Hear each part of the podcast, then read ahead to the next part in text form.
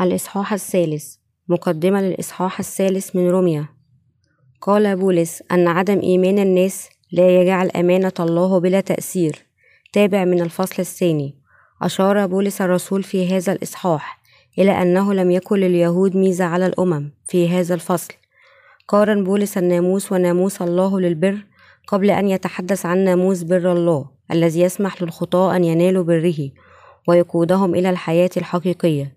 كما أكد في هذا الإصحاح أن الخلاص من الخطية ليس من خلال أعمالنا بل من خلال الإيمان ببر الله.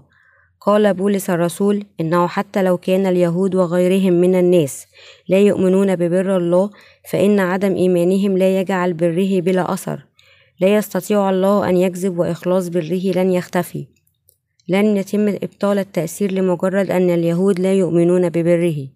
بر الله الذي بشر به بولس لا يمكن إبطاله لمجرد أن الناس لا يؤمنون من يؤمن بالخلاص الذي أعطاه الله للخطاة ينال بر الله.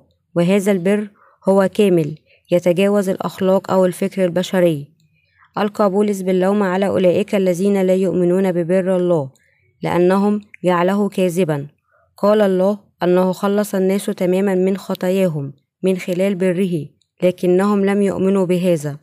لذلك صار كاذبا لكن بر الله لا يتأثر بكفرهم. كيف يكشف بر الله؟ أولئك الذين لا يؤمنون ببر الله سيحاكمون على خطاياهم.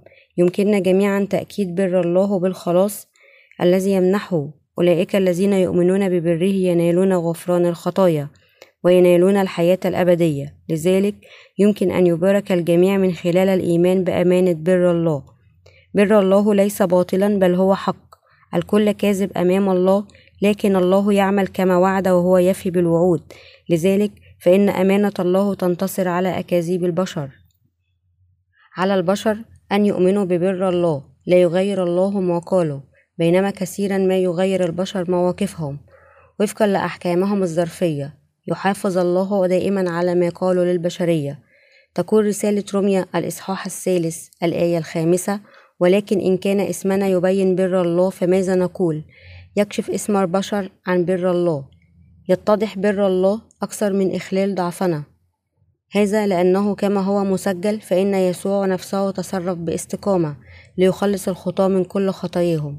لذلك فإن بر الله يضيء بشكل أكثر إشراقا بسبب ضعف الناس. يمكن العثور على هذه الحقيقة في إنجيل الماء والروح والملء ببر الله. والسبب في ذلك أن كل الناس يخطئون في إنجيل يخطئون حتى يوم موتهم. ومحبة الله أعظم من تلك الخطايا. محبة الله تخلص كل الخطاة الضعفاء من خطاياهم. تغلب ربنا على كل خطايا العالم وأكمل خلاصه بمغفرة الخطايا. لا أحد يستطيع أن يعيش حياة بلا خطية. بما أنه كان من المفترض أن يذهب الناس إلى الجحيم فإن الله يعتني بهم بحبه وهذا هو بره. كنا كاذبين منذ اليوم الذي ولدنا فيه ورفضنا بر الله بعدم الإيمان بكلامه. كان من المقرر أن يحكم على الجنس البشري أمام الله لأن أي من أعمالهم لم يكن مقبولا في عينيه. لكن الله خلصنا من خطايانا بحبه لأنه أشفق علينا.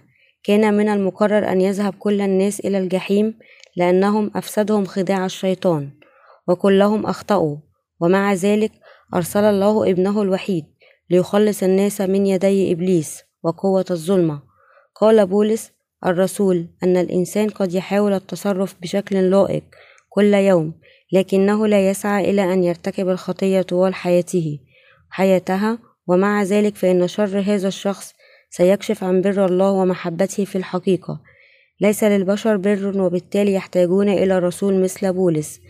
الرسول قد عرف بر الله وتقبله وبالتالي سكن الروح القدس هو السبب في أنه يستطيع أن يكرس ببره.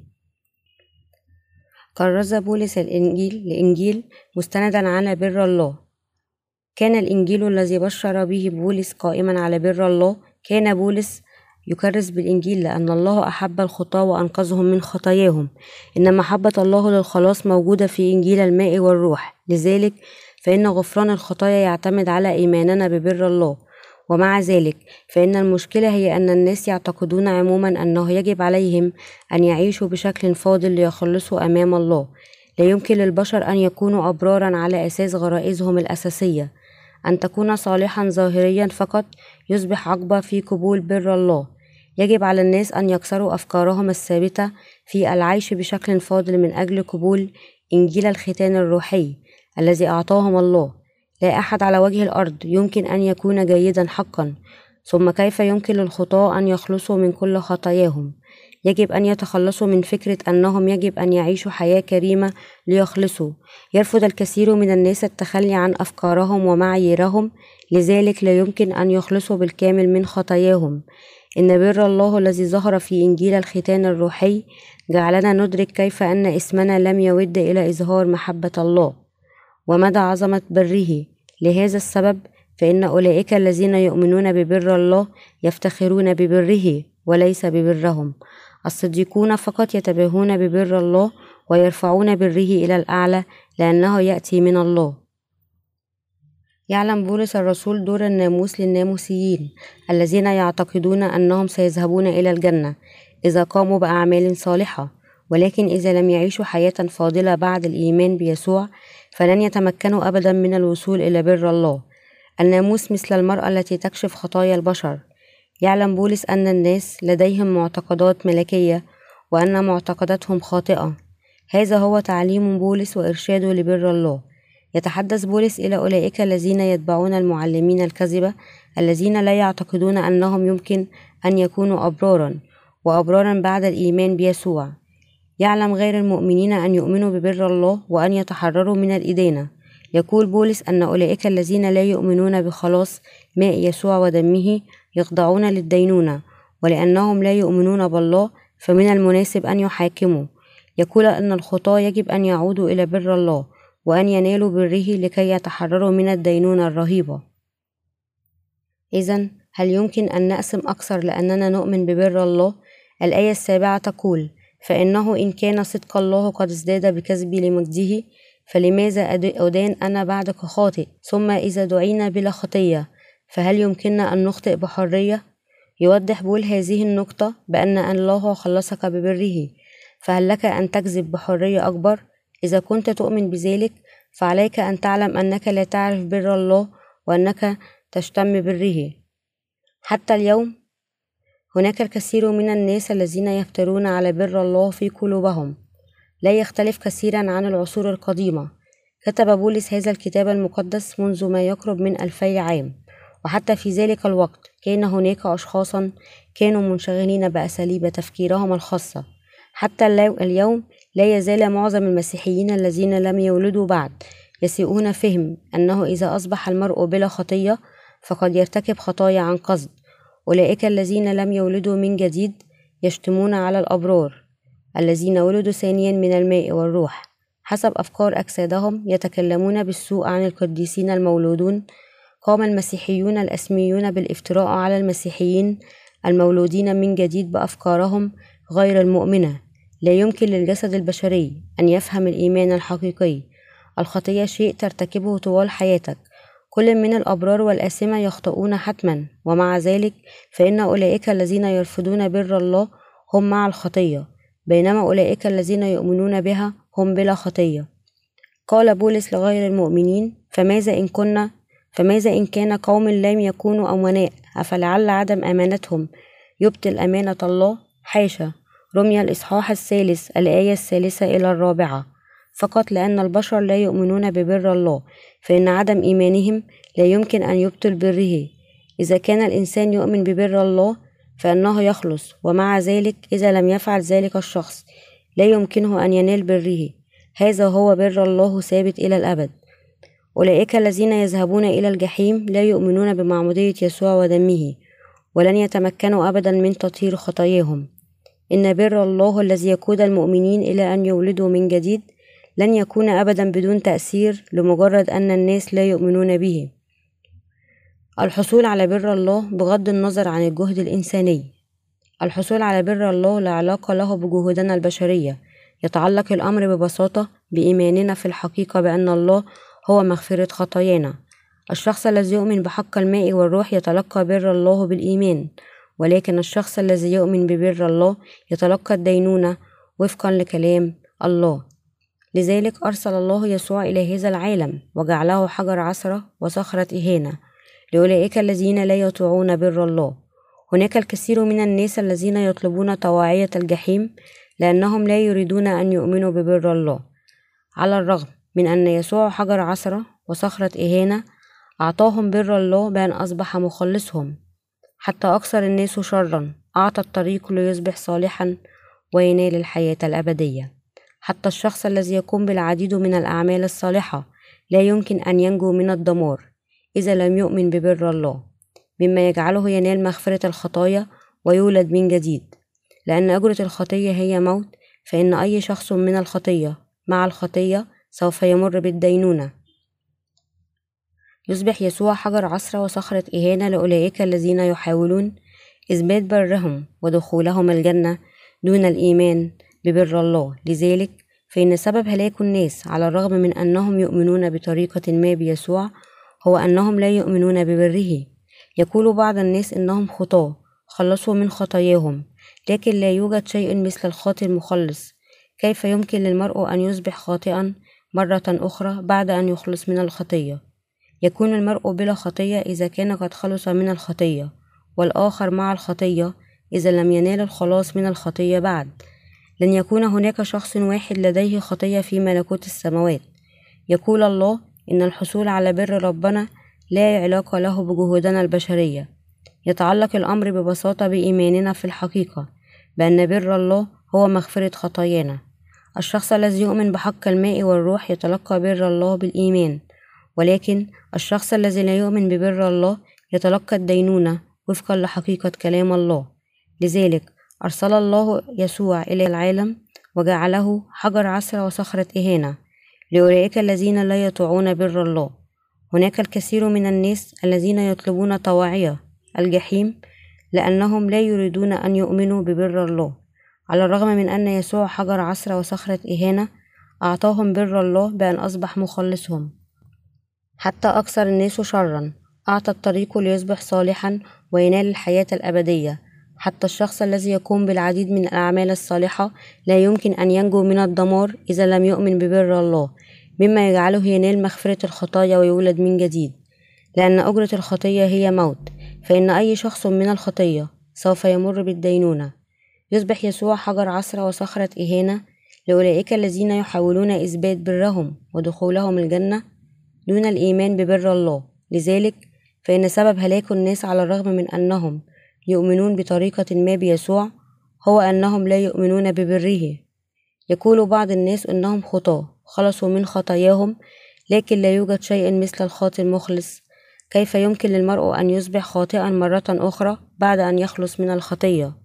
يكون المرء بلا خطية إذا كان قد خلص من الخطية والآخر مع الخطية إذا لم ينال الخلاص من الخطية بعد. لن يكون هناك شخص واحد لديه خطية في ملكوت السماوات. يقول الله لذلك لا تقوم الأشرار في الدين ولا الخطاة في جماعة الأبرار المزمور الأول الآية الخامسة. يطرح الناس على أنفسهم السؤال الكبير حول كيف يمكنهم أن يصبحوا أبرارا بينما يرتكبون خطايا كل يوم؟ ومع ذلك لا داعي للقلق بشأن ذلك أن تصبح صالحا من خلال الإيمان ببر الله ممكنا فقط لأن الرب قد حمل بالفعل كل خطايا العالم إلى جانب خطاياهم المستقبلية من خلال قبول المعمودية في نهر الأردن والموت على الصليب وبالتالي تحقيق كل بر الله. يمكن للخطاة أن يصبحوا أبرارا فقط من خلال الإيمان ببر الله. هل ما زلت مدينا حتى لو تم سداد جميع ديونك؟ قضى ربنا كل خطايانا ببره. لقد خلص الرب أولئك الذين لديهم إيمان كامل بإنجيل الماء والروح فلا دينون عليهم مهما كانوا ضعفاء. يمكننا جميعا أن نصبح أبرارا من خلال الإيمان ببر الله. الأفكار الإنسانية تقودنا إلى الموت. الأفكار الإنسانية تقودنا إلى الموت وهم ينشئوا من العقل الجسدي أفكار روحية تنشأ من الإيمان في بر الله. إنه محتمل للشيطان أن يسيطر على الأفكار الإنسانية. البشر لديهم ليس عندهم اختيار آخر لكن أن يقسمهم بلحمهم. على أي حال شخص الذي عنده إيمان في بر الله يصبح مستقيم بالإيمان في المعمودية ودم يسوع. واحد لا يمكن أن يصبح مستقيم بتجنب إلزام الخطية. واحد لا يمكن أن يصبح بدون خطية بالكامل بالذهاب خلال تحويل فيزيائي. أن تصل حالة مقدسة. إنه أحمق لمسيحي أن يعتقد بأنه هي يمكن أن تدخل سماءه بالمصباح. شخص مقدس الذي لا يرتكب خطية أمام الله. نحن يمكن أن ننقذ من خطايانا سوية بالإيمان ببر الله. علاوة على ذلك كل خاطئ يمكن أن يخلص بالكامل من خطيته إذا هو يؤمن بنعمة بشارة الماء والروح الذي يقودنا مؤمنون أن يكون المولود ثانيا. هو لربما يظهر محال لواحد أن يصبح بدون خطية من وجهة نظر إنسانية. على أي حال إنه محتمل بالإيمان في الكلمة إذن الله واحد لا يمكن أن يعيش بدون اسم خلال الجسم الإنساني لكن القلب واحد يصبح بدون خطية إذا واحدا يؤمن ببر الله حقا. أجسام إنسانية تحتاج أن ترضي أمنياتهم وإنها مستحيلة للأجسام أن تعيق من اسم منذ يشتهون سرور بشكل ثابت. يتكلم الله الحقيقة واحد يمكن أن يصبح مستقيم بواسطة عنده إيمان في البشارة الماء والروح الذي ربنا قد أعطى نحن لا يمكن أن ندخل ملكوت السماوات بعمل الأعمال الجيدة بلحمنا. نحن يمكن أن فقط ندخل السماء بالإيمان ببر الله. هناك فرق بين الفكر الروحي والفكر الجسدي. لا تستطيع العقول الجسدية أن تفهم حقيقة أنها لا يمكن أن تصبح بلا خطية إلا بالإيمان وأنهم قادرون على أن يصبحوا أبرارا. والمسيحيين المولودين من جديد لأنهم يعتقدون أنه حتى لو تاب الشخص عن أخطائه فسوف يخطئ مرة أخرى اليوم التالي. ومع ذلك على الرغم من أنه لا يمكن للإنسان أن يصبح برا من خلال الأعمال البشرية إلا أنه ممكنا تماما ببر الله هذا لأنه يمكن للمرء أن ينال بره من خلال الإيمان بمعمودية يسوع ودمه. بر الله قادر على محو خطايا كل الناس يسمح لنا أن نكون أبرارا وأن ندعو الله أبينا. لذلك يجب أن تعلم الإيمان الحقيقي يبدأ بالإيمان ببر الله. لا يبدأ الإيمان الحقيقي بالعقل الجسدي. بل بالإيمان بكلمات الحق. كثير من الناس الذين لم يولدوا مرة أخرى غير قادرين على الهروب من أفكارهم لأنهم دائما محبوسون بداخلهم. لا يمكن لهؤلاء الأشخاص أبدا أن يقولوا أنهم أصبحوا أبرارا لأنهم لا يفكرون إلا بعقول جسدية على الرغم من أنهم يقولون أنهم يؤمنون بيسوع. يمكن للمرء أن يقول أنه بلا خطية أمام يسوع فقط عندما يؤمن بكلمات الختان الروحي. الذي يتضمن بر الله. لذلك إذا أراد المرء أن ينال بر الله فعليه أو عليها أن يستمع إلى كلمات الحق من الأشخاص المولودين من جديد حقا ويؤمن بها بقلوبهم. يسكن الروح القدس في كل قديس يؤمن ببر الله. أتمنى أن تضعوا هذه الحقيقة في الاعتبار أيها الإخوة إذا كنت ترغب حقا في الحصول على نعمة ولادتك مرة أخرى سيسمح لك الله بمقابلة شخص مولود من جديد يؤمن ببره. اتقوا أتقول أنه ليس برا ولا واحد؟ الآيات التاسعة والعاشرة تقول فماذا إذا أنحن أفضل؟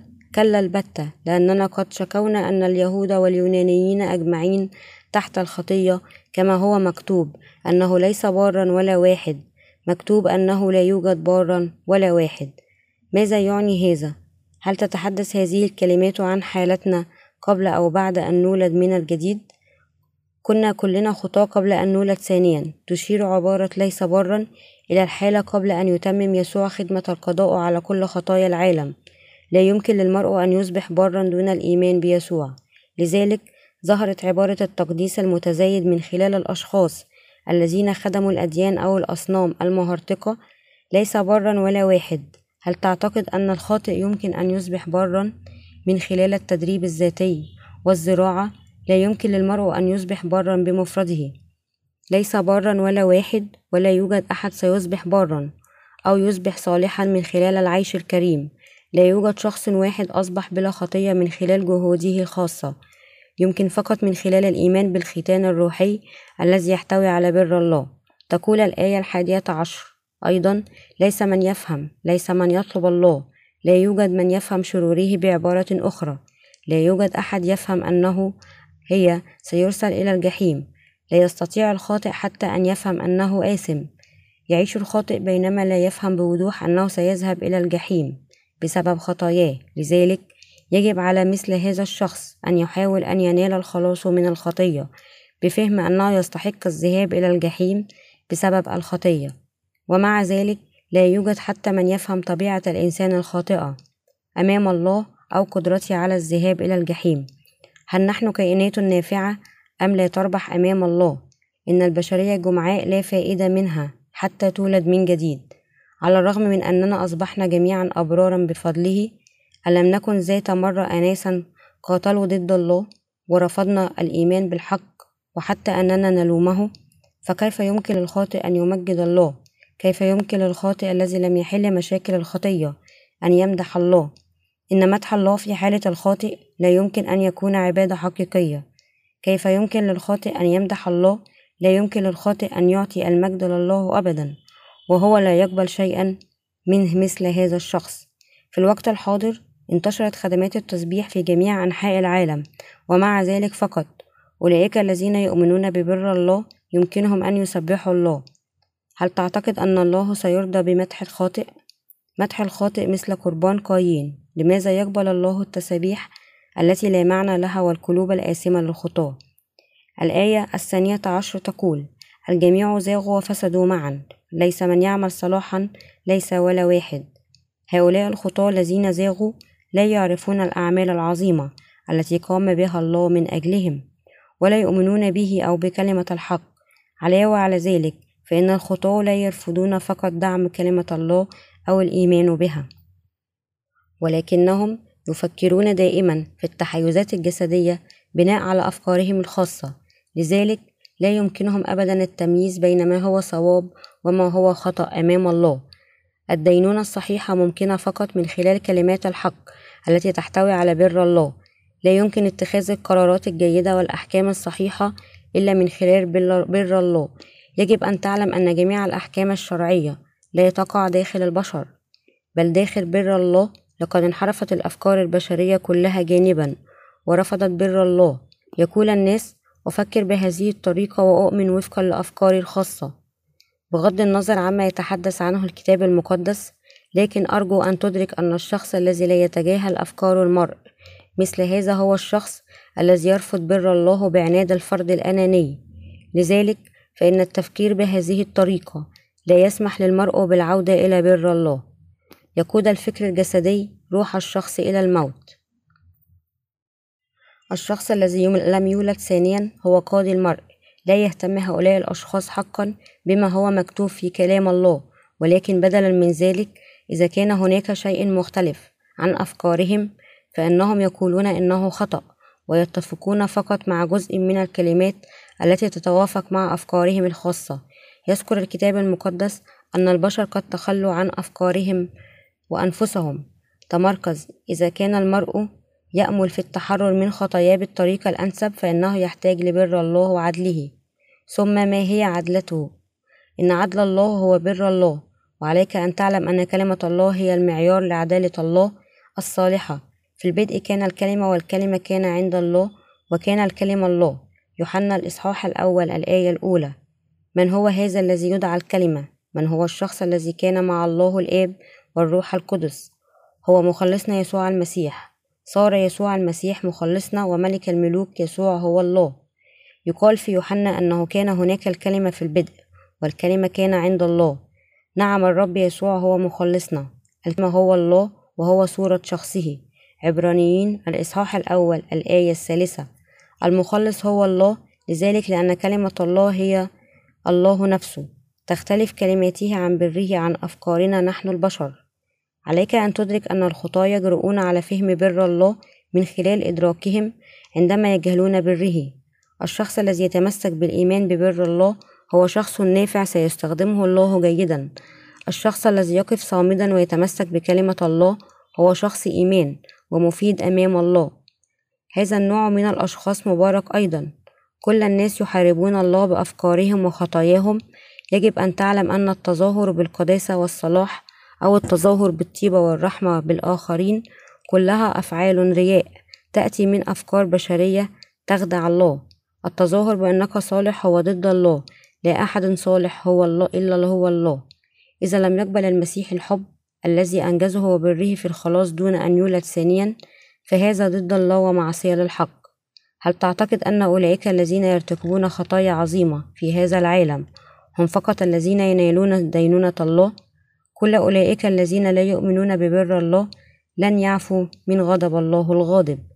الشخص الذي لا يؤمن بيسوع بالحق يمتلئ بالمفهوم الحتمي لعيش حياة جيدة. من علم مثل هذه الأفكار كان الشيطان من فعل ذلك ومع ذلك لا يستطيع البشر أن يعيشوا حياة كريمة ابتداء من ولادتهم. لذلك تخبرنا كلمة الله أنه يجب علينا أن ننال مغفرة الخطايا. فهل هذا يعني أننا يجب أن نفعل الشر عن قصد لكي تكثر النعمة؟ بالتأكيد لا. بما أن البشر أصيبوا بالخطية. ابتداء من يوم ولادتهم فإن مصيرهم الذهاب إلى الجحيم بسبب جراح الخطية الملوثة. لذلك قال لهم الله أن ينالوا مغفرة الخطايا التي سبق أن أعدها يسوع لهم. إنهم إنه إله الخلاص وينصحنا جميعا أن ننال الخلاص بقبول كلمة بره التي هي الحق في قلوبنا. ما هي طبيعة الإنسان؟ الآيات الثالثة عشر الثامنة عشر تقول حنجرتهم قبر مفتوح بألسنتهم قد مكروا ثم الأصلال تحت شفاههم وفمهم مملوء لعنة ومرارة. أرجلهم سريعة إلى سفك الدم في طرقهم اغتصاب وسحق وطريق السلام لم يعرفوه. ليس خوف الله قدام عيونهم بألسنتهم قد مكروا. كم يخادع كل أولئك الناس جيدا من يوحنا مكتوب. ما تتكلم بالكذب فإنه يتكلم مما له. يوحنا الإصحاح الثامن الآية الرابعة والأربعون. أنا أقول الحقيقة إنها الحقيقة. هل تفهمني؟ كل الكلمات التي يؤكدها الشخص الذي لم يولد مرة أخرى بقوة على صحتها خاطئة. الشخص الذي لم يولد بعد مرة أخرى لا يسعه إلا أن يكذب عندما يتحدث إلى الناس. إنه يشدد على كل ما يقاله صحيح ولكن هذا هو الدليل المتناقض الذي يثبت أنه في كل مرة يكذب فيها يخدع الناس بقولها إنها الحقيقة. كل الأشياء التي يقولها الشخص لم يولد بعد مرة أخرى خاطئة لأنه لا يؤمن ببر الله. لا يستطيع المحتال أبدا القيام بممارسات احتيالية للناس بعد أن يعلموا جميعا أن كل ما يفعله هو احتيال يتحدث وكأنها حقيقية يتحدث مع الناس بواقعية وصدق ليجعلهم يثقون به. أقول لك الحقيقة إذا استثمرت بعض المال في هذا فستربح الكثير من المال في المقابل. فقد استثمر مليون دولار وفي غضون عام ستحصل على حوالي مليوني دولار أكثر مما استثمرته في العامين المقبلين. سوف تكسب الكثير من المال. هذا هو أحدث نوع من الأعمال. هو آمن تماما. تعالى يجب أن تسرع وتتخذ قراراتك لأن العديد من الآخرين ينتظرون. هذا ما يقوله المحتال للناس. يجب أن تضع في اعتبارك أن الشخص الذي لم ينل مغفرة الخطايا يمارس الخداع بلسانه. يقول الكتاب المقدس أنه عندما يتكلم الشيطان بالكذب فإنه يتكلم من مصادره الخاصة. كل ما يقوله الشخص الذي لم يولد مرة أخرى من الخطية هو كذب. فلا عجب أن يخدع القس الذي لم يولد من جديد أعضاء الكنيسة بالقول أنهم سيصبحون أغنياء إذا قدموا كميات كبيرة من العشور للكنيسة.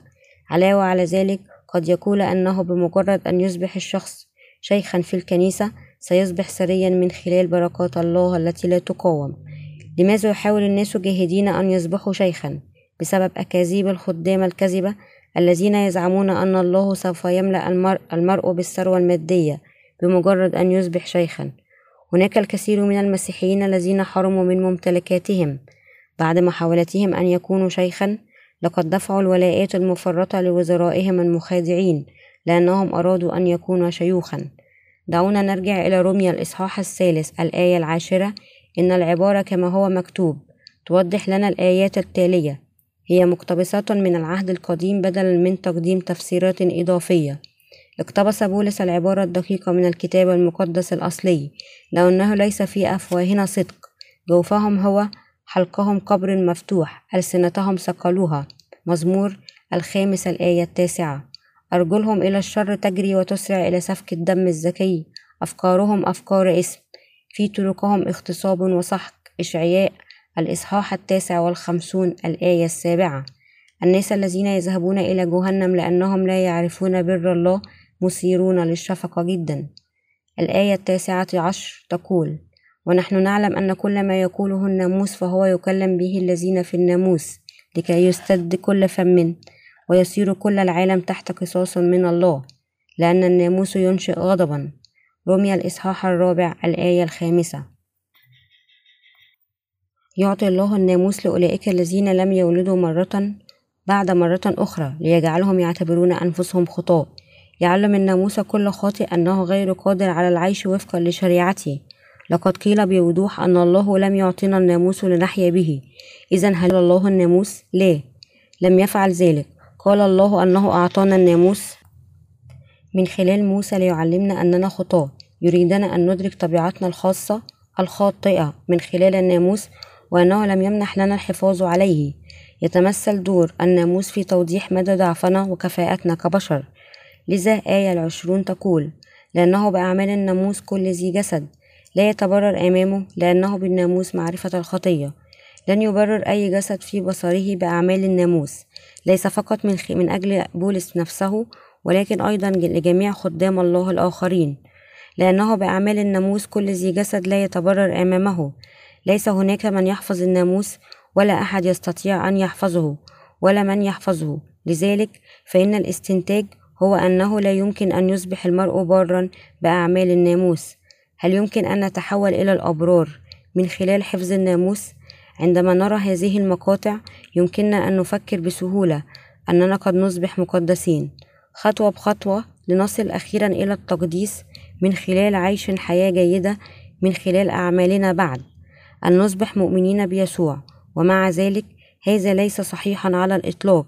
أن القول بأنه يمكن للمرء أن يدخل ملكوت السماوات عن طريق تقديسه تدريجيا هو قول خاطئ تماما. كل أولئك الذين لم يولدوا ثانيا ما زالوا تحت ناموس الله ناموس الخطية والموت. رمي الإصحاح الثامن الآية الثانية. ذلك لأنه بمجرد أن يصبح الشخص مسيحيا فإنه يعتقد أنه عليه أن يجب العيش وفقا لكلام الله. يشعر المسيحيون بأنهم ملزمون بالحفاظ على الناموس في أعمالهم ولكن في الواقع لا يمكنهم العيش وفقا للناموس على الإطلاق. لهذا يأتون كل يوم ليقولوا صلاة التوبة إنهم لا يدركون أنهم يسقطون في مستنقع دين يائس وهي المسيحية.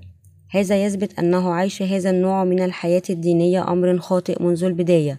إن محاولة الحفاظ على ناموس الله بعد سوء فهم الناموس يقود أتباع الديانات المسيحية إلى مواجهة بر الله على الرغم من أن الناموس موجود فقط لتعليم الناس أنهم خطاة. إن مبدأ التقديس المتزايد في المسيحية هو نفس العقيدة الدينية للأديان الوثنية في العالم على غرار عقيدة دخول النيرفانا في البوذية في المسيحية. تنص عقيدة التقديس المتزايد على أن الجسد والروح يصبحان أقدس وأقدس بعد أن يبدأ المرء في الإيمان بيسوع ويصبح أخيرا مقدسا بما يكفي لدخول الجنة. الشخص الذي ولد مصابا بعدوى الخطية يمكنه فقط أن يقوم بعمل نشر الخطية طوال حياته. والسبب في ذلك هو أن المرء مصاب بالفعل بالخطية. إن فيروس الخطية يخرج من الجسد حتى لو لم يقصد المرء نشر الخطية. لا يوجد سوى علاج واحد لهذا المرض هو الإصغاء والإيمان بكلمة إنجيل الحق على بر الله. يمكن للمرء أن يخلص من كل خطية حتى وأن ينال الحياة الأبدية إذا سمع وآمن بكلمات الغفران الحقيقية للخطايا مما يمكننا من قبول الختان الروحي. كيف يمكن أن يكون هناك شخص في هذا العالم يعيش بشكل مثالي وفقا للناموس حتى بعد أن يولد من جديد؟ لا يوجد. يقول الكتاب المقدس بالناموس معرفة الخطية رمي الإصحاح الثالث الآية العشرون.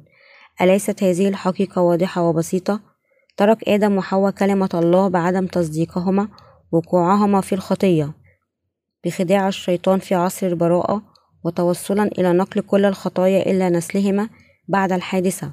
ومع ذلك على الرغم من أن جميع البشر ورثوا الخطية من أسلافهم إلا أنهم لم يعرفوا حتى أنهم ولدوا بالفعل كخطاة منذ زمن إبراهيم. أعطى الله البشر للبشر المعرفة الملموسة عن بره ليجعل الناس ينالون مغفرة الخطايا من خلال الإيمان بكلمة الله. يتحدث بولس عن بر الله منفصلا عن الناموس. الآيات الحادية والعشرون إلى الثانية والعشرون تقول وأما الآن فقد ظهر بر الله بدون الناموس. مشهودا له من الناموس والأنبياء بر الله بالإيمان بيسوع المسيح إلى كل وعلى كل الذين يؤمنون لأنه لا فرق. إنه قال بأن بر الله يكشف عبارة مشهودا له من الناموس والأنبياء. الناموس والأنبياء تشير ضمنا إلى العهد القديم. الآن تحدث بولس عن إنجيل بر الله الذي تم الكشف عنه من خلال نظام الذبيحة في خيمة الاجتماع. يظهر لنا الكتاب المقدس بوضوح بر الله الذي من خلاله يمكن للمرء أن ينال مغفرة الخطية من خلال ذبيحة الخطية. كما أن إيمان بولس كان قائما أيضا على الإيمان ببر الله والذي تم الكشف عنه في جميع الكتب المقدسة يعلن بولس أن أي شخص يؤمن بيسوع المسيح يمكنه الحصول على بر الله بدون تمييز إما أن يخلص المرء أو لا يخلص فهو أمر متروك تماما لإيمانه أو عدم إيمانه لذلك يقول أن بر الله قد كشف بالإيمان بيسوع المسيح إلى كل وعلى كل الذين يؤمنون لأنه لا فرق ما هو الإيمان الحقيقي؟ من هو جوهر الإيمان؟ إنه يسوع المسيح. تقول الرسالة إلى العبرانيين. الإصحاح الثاني عشر الآية الثانية. ناظرين إلى رئيس الإيمان ومكمله يسوع. يجب أن نتعلم عن حقيقة الله من قديس مولود من جديد وننال الخلاص بيسوع المسيح من خلال الإيمان بهذه الحقيقة ثم العيش بالإيمان بكلام الله. الإيمان ببر الرب مع القلب. هو أن يكون لديك إيمان حقيقي. تقول رسالة روميا الإصحاح العاشر الآية العاشرة. لأن القلب يؤمن به للبر والفم يعترف به للخلاص. يمكننا أن نصبح أبرارا من خلال الإيمان بمعمودية يسوع ودمه بقلوبنا ونثبت في خلاصنا من خلال الاعتراف بإيماننا بأفهاونا. لا يمكن الحصول على مغفرة الخطايا خلال أعمالنا ولكن فقط من خلال إيماننا ببر الله. تقول الآيات الثالثة والعشرون الخامسة والعشرون إذا الجميع أخطأوا وأعوزهم مجد الله. متبررين مجانا بنعمته بالفداء الذي بيسوع المسيح الذي قدمه الله كفارة بالإيمان بدمه لإظهار بره من أجل الصفح عن الخطايا السالفة بإمهال الله. يقول الكتاب المقدس أن الجميع قد أخطأوا وبالتالي فهم يقصرون عن مجد الله. لم يكن أمام الخطاة خيار آخر سوى الذهاب إلى الجحيم ومع ذلك من خلال الفداء الذي في المسيح يسوع بر الله نال الناس غفران الخطايا مجانا. أصبح الناس بلا خطية لأنهم آمنوا ببر الله. أعلن الله عن يسوع كفارة بدمه بالإيمان. عندما نلقي نظرة على الآيات الخامسة والعشرون والسادسة والعشرون فإنها مكتوبة الذي قدمه الله كفارة بالإيمان بدمه لإظهار بره من أجل الصفح عن الخطايا السالفة بإمهال الله. لإظهار بره في الزمان الحاضر ليكون برا ويبرر من هو بالإيمان بيسوع. هنا تشير عبارة لإظهار بره إلى بر الله الذي تم من خلال العمل البر ليسوع المسيح. كان سبب سفك يسوع للدماء على الصليب هو أنه قبل موته. تمم كل بر الله من خلال تعميده على يد يوحنا في نهر الأردن. راجع متى؟ الإصحاح الثالث الآية الثالثة عشر إلى السابعة عشر. جعل الله الآب يسوع ذبيحة كفارة لخطية هذا العالم من أجل صنع السلام بين البشر ونفسه. كان يسوع تجسيدا لبر الله. يسوع أزال كل خطايا هذا العالم بتلقيه المعمودية من يوحنا. أصبح يسوع الألف والياء. هذا يعني أنه يمكن لأي شخص أن ينال الخلاص من الخطية. إذا كان يؤمن بالكلمات التي تنص على أن الرب قد محى كل خطايا العالم من البداية وحتى النهاية. بر الله الذي أتمه يسوع سمح لنا أن نكون في سلام مع الله. تم صنعه بحيث لا يتمكن من دخول الجنة. إلا الشخص الذي كان في سلام مع الله. فقط بعد أن بدأت في الإيمان بإنجيل الحق أدركت الآية الذي قدمه الله كفارة بالإيمان بدمه لإظهار بره من أجل الصفح عن الخطايا السالفة بإمهال الله في زمن إمهال الله. استطعت أن أفهم بر الله وأؤمن به من خلال يسوع. تحقق بر الله في صيغة الماضي التام.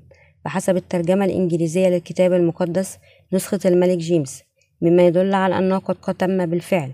لقد تلقينا مغفرة الخطية بالإيمان بالكلمة الحقيقية التي تقول أن يسوع أزال كل خطايانا بمعموديته ودمه على الرغم من أن أرواحنا قد غفرت للخطية دفعة واحدة. إلا أن أجسادنا لا تزال لا تستطيع إلا أن ترتكب الخطية. أشار الله إلى الخطية التي نرتكبها في هذا العالم الحالي على أنها خطية سبق ارتكابها. لماذا أقام الله معمودية يسوع كنقطة انطلاق للخلاص؟ لذلك فإن مغفرة الخطايا قد تحققت دفعة واحدة ببر الله الذي حققه يسوع المسيح. الخطايا التي نرتكبها مع الجسد في هذا الوقت هي خطايا تم القضاء عليها بالفعل من خلال معمودية يسوع في نظر الله. لقد غفرت كل خطايا العالم بالفعل أمام الله. تجاوز الخطايا التي تم ارتكابها سابقا يعني اعتبار أجرة الخطايا قد تم دفعها بالفعل. كل خطايا هذا العالم هي خطايا تم غسلها بالفعل بالمعمودية التي نالها الرب ودمه على الصليب. لذلك فإن جميع خطايا البشرية من بداية هذا العالم حتى النهاية من وقت آدم حتى آخر يوم على الأرض وحتى الخطايا التي يرتكبها الناس حاليا هي الخطايا التي ارتكبها المسيح سابقا وقضى عليها يسوع في الماضي. أولئك الذين يؤمنون ببر الله هم بلا خطية. هذه الحقيقة هي أن الخطايا المرتكبة سابقا قد تم تجاوزها بالفعل. حتى الخطايا التي نرتكبها في هذه اللحظة هي أيضا جزء من الخطايا التي ارتكبت سابقا وغفرت في نظر الله. إن الناس في هذا العالم يرتكبون الخطايا التي أبداها ابن الله الذي أرسل إلى هذا العالم ليأخذ كل خطايا العالم. الخطايا التي نرتكبها الآن هي خطايا سبق أن أزاحها ربنا. هل تفهم ما يعنيه هذا؟ قال يسوع أنه محى بالفعل خطايا هذا العالم ببر الله. قد يسيء المرء فهم هذا إذا لم يفهم حقا معنى هذا المقطع.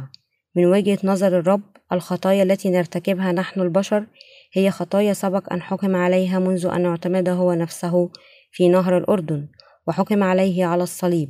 إن سبب إخبارنا الله بعدم القلق بشأن الخطايا هو أن يسوع أتى إلى هذا العالم وجعل الناس يتقدسون تماما دفعة واحدة. هذه الحقيقة التي يتحدث عنها بولس في هذا المقطع مهمة جدا لمن نال الخلاص من خلال الإيمان ببر الله. ومع ذلك فإن الأشخاص الذين لم يولدوا من جديد يتجاهلون بر الله ويذهبون إلى الجحيم. أيها الإخوة ينبغي أن تسمعوا كلمة الله وتفهموها تماما. عندها فقط سيكون من الجيد ترسيخ إيمانك والكرازة بالإنجيل لشخص آخر. هل تعلم أن الله يبكت العالم على الخطية والبر والدينونة؟ ليذكر أخيرا بره يوحنا الإصحاح السادس عشر الآية الثامنة. أعلن الله عن يسوع كفارة بدمه. من خلال الإيمان لإثبات بره لأنه في الحمل تجاوز الله الخطايا التي تم ارتكابها سابقا. منذ أن أعلن الله عن يسوع كفارة فإنه يعلمنا أنه حتى الخطايا التي ارتكبت سابقا قد تم القضاء عليها بالفعل لذلك أصبحنا أبرارا من خلال الإيمان ببر الله. في الآية السادسة والعشرون مكتوب لإظهار بره في الزمان الحاضر ليكون برا ويبرر من هو من الإيمان بيسوع. في الزمان الحاضر يسمح لنا الله أن تكون لنا الحياة الأبدية وليريد أن يدين العالم. في الوقت الحاضر عندما أرسل الله يسوع المسيح ليثبت بره أظهر الرب بر الله بمعموديته ودمه جعل الله ابنه الوحيد يأتي إلى هذا العالم ليعتمد ويصلب وبذلك أظهر لنا محبته وبره. تمم الله كل بره من خلال يسوع. كل مؤمن ببر الله بار. لقد تمم إلهنا العمل الصالح المتمثل في محو خطايا العالم مرة واحدة وإلى الأبد. هل يمكننا إذن أن نؤمن ببر الله بقلوبنا؟ يقول الله أننا أبرار وبلا خطية. عندما نؤمن ببره. لماذا؟ أليس مؤمنا بيسوع بلا خطية؟ لأنه فعل بالبار المتمثل في غسل كل خطايانا. المؤمن ببر الله بار لأنه ليس لديه خطية. لأن الرب قد محى كل الخطايا التي نرتكبها خلال حياتنا كلها. فنحن قادرون على الإيمان ببر الله؟ وإلا لما استطعنا أبدا أن ننال بر الله؟ لنفتخر ببر الله فقط. الآيات السابعة والعشرون. الواحدة والثلاثون تقول فأين الافتخار قد انتفى؟ بأي ناموس أبن أبي ناموس الأعمال كلا؟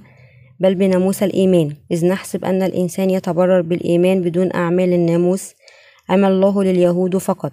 أليس للأمم أيضا؟ بل بالأمم أيضا لأن الله واحد هو الذي سيبرر الختان بالإيمان والغلة بالإيمان. أفنبطل الناموس بالإيمان؟ حيشة بل نثبت الناموس. تأسيس الناموس يعني أننا لا نستطيع أن نخلص من الخطايا بأفعالنا. نحن مخلوقات ضعيفة وغير كاملة لكن بر الله جعلنا كاملين بكلمته. لقد خلصنا الإيمان بكلمة بر الله. حتى بعد أن نخلص من الخطايا يستمر ربنا في التحدث إلينا قائلا أنت غير كافئ لكن جعلتك مقدسا لذلك ينبغي أن تقترب إلى الله ببره. في الآية السابعة والعشرون مكتوب فأين الافتخار؟ قد انتفى. بأي ناموس أبو ناموس الأعمال؟ كلا بل بناموس الإيمان. يجب على المرء أن يعرف ناموس بر الله الذي أسسه الله وأن يؤمن بناموس بره هذا. بأي ناموس أبي ناموس الأعمال؟ كلا بل بناموس الإيمان. يجب أن تعلم أننا قد تحررنا من خطايانا فقط عندما نؤمن ببر الله ولا يمكننا أن نخلص بأفعالنا. يتحدث الفصل الثالث من روميا عن هذا الجزء من خلال بولس الرسول. أفلعل عدم أمانتهم؟ يبطل أمانة الله. حاشا المؤمن ببر الله يصمد ولكن من لا يؤمن ببر الله يسقط. تكشف رسالة روميا الإصحاح الثالث بر الله بوضوح. يجب أن نضع في اعتبارك أن الله أرسى ناموس بره ليجعل أولئك الذين يؤمنون بأفكارهم يسقطون. خلصنا الله بالكامل من كل خطية. لذلك يمكننا أن نخلص من كل خطية بالإيمان بكلمة الله التي تكشف بره. نأتي لنرث ملكوت الله وننعم بالسلام معه بالإيمان ببره. أولئك الذين لا يؤمنون بر الله لا يمكن أن يكون لهم سلام في قلوبهم. يعتمد السؤال عما إذا كان المرء مباركا أو ملعونا على ما إذا كان الشخص يؤمن ببر الله أم لا. إذا لم يأخذ المرء كلام بر الله فسيتم إدانته وفقا للإدانة العادلة لكلام الله. ينشئ الخلاص من محبة الله ثم ننال الخلاص من خطايانا بالإيمان ببره. نحمد ربنا الذي أعطانا هذا الإيمان ببر الله. دعونا نشكر حقيقة أن لدينا نفس الإيمان الذي كان لبولس الرسول. نحمد الرب. كما نحمده ونشكره لأننا تحررنا من كل خطية بالإيمان بمعمودية يسوع ودمه على الصليب. لولا هذا الخلاص أو الإيمان أو كنيسة الله لقد استطعنا أبدا. لما استطعنا أبدا؟ الحصول على مغفرة الخطايا. لقد أمنا حقا ببر الله بالقلب وكان الاعتراف بالخلاص بالفم. نشكر الله الذي خلصنا ببره من كل خطية.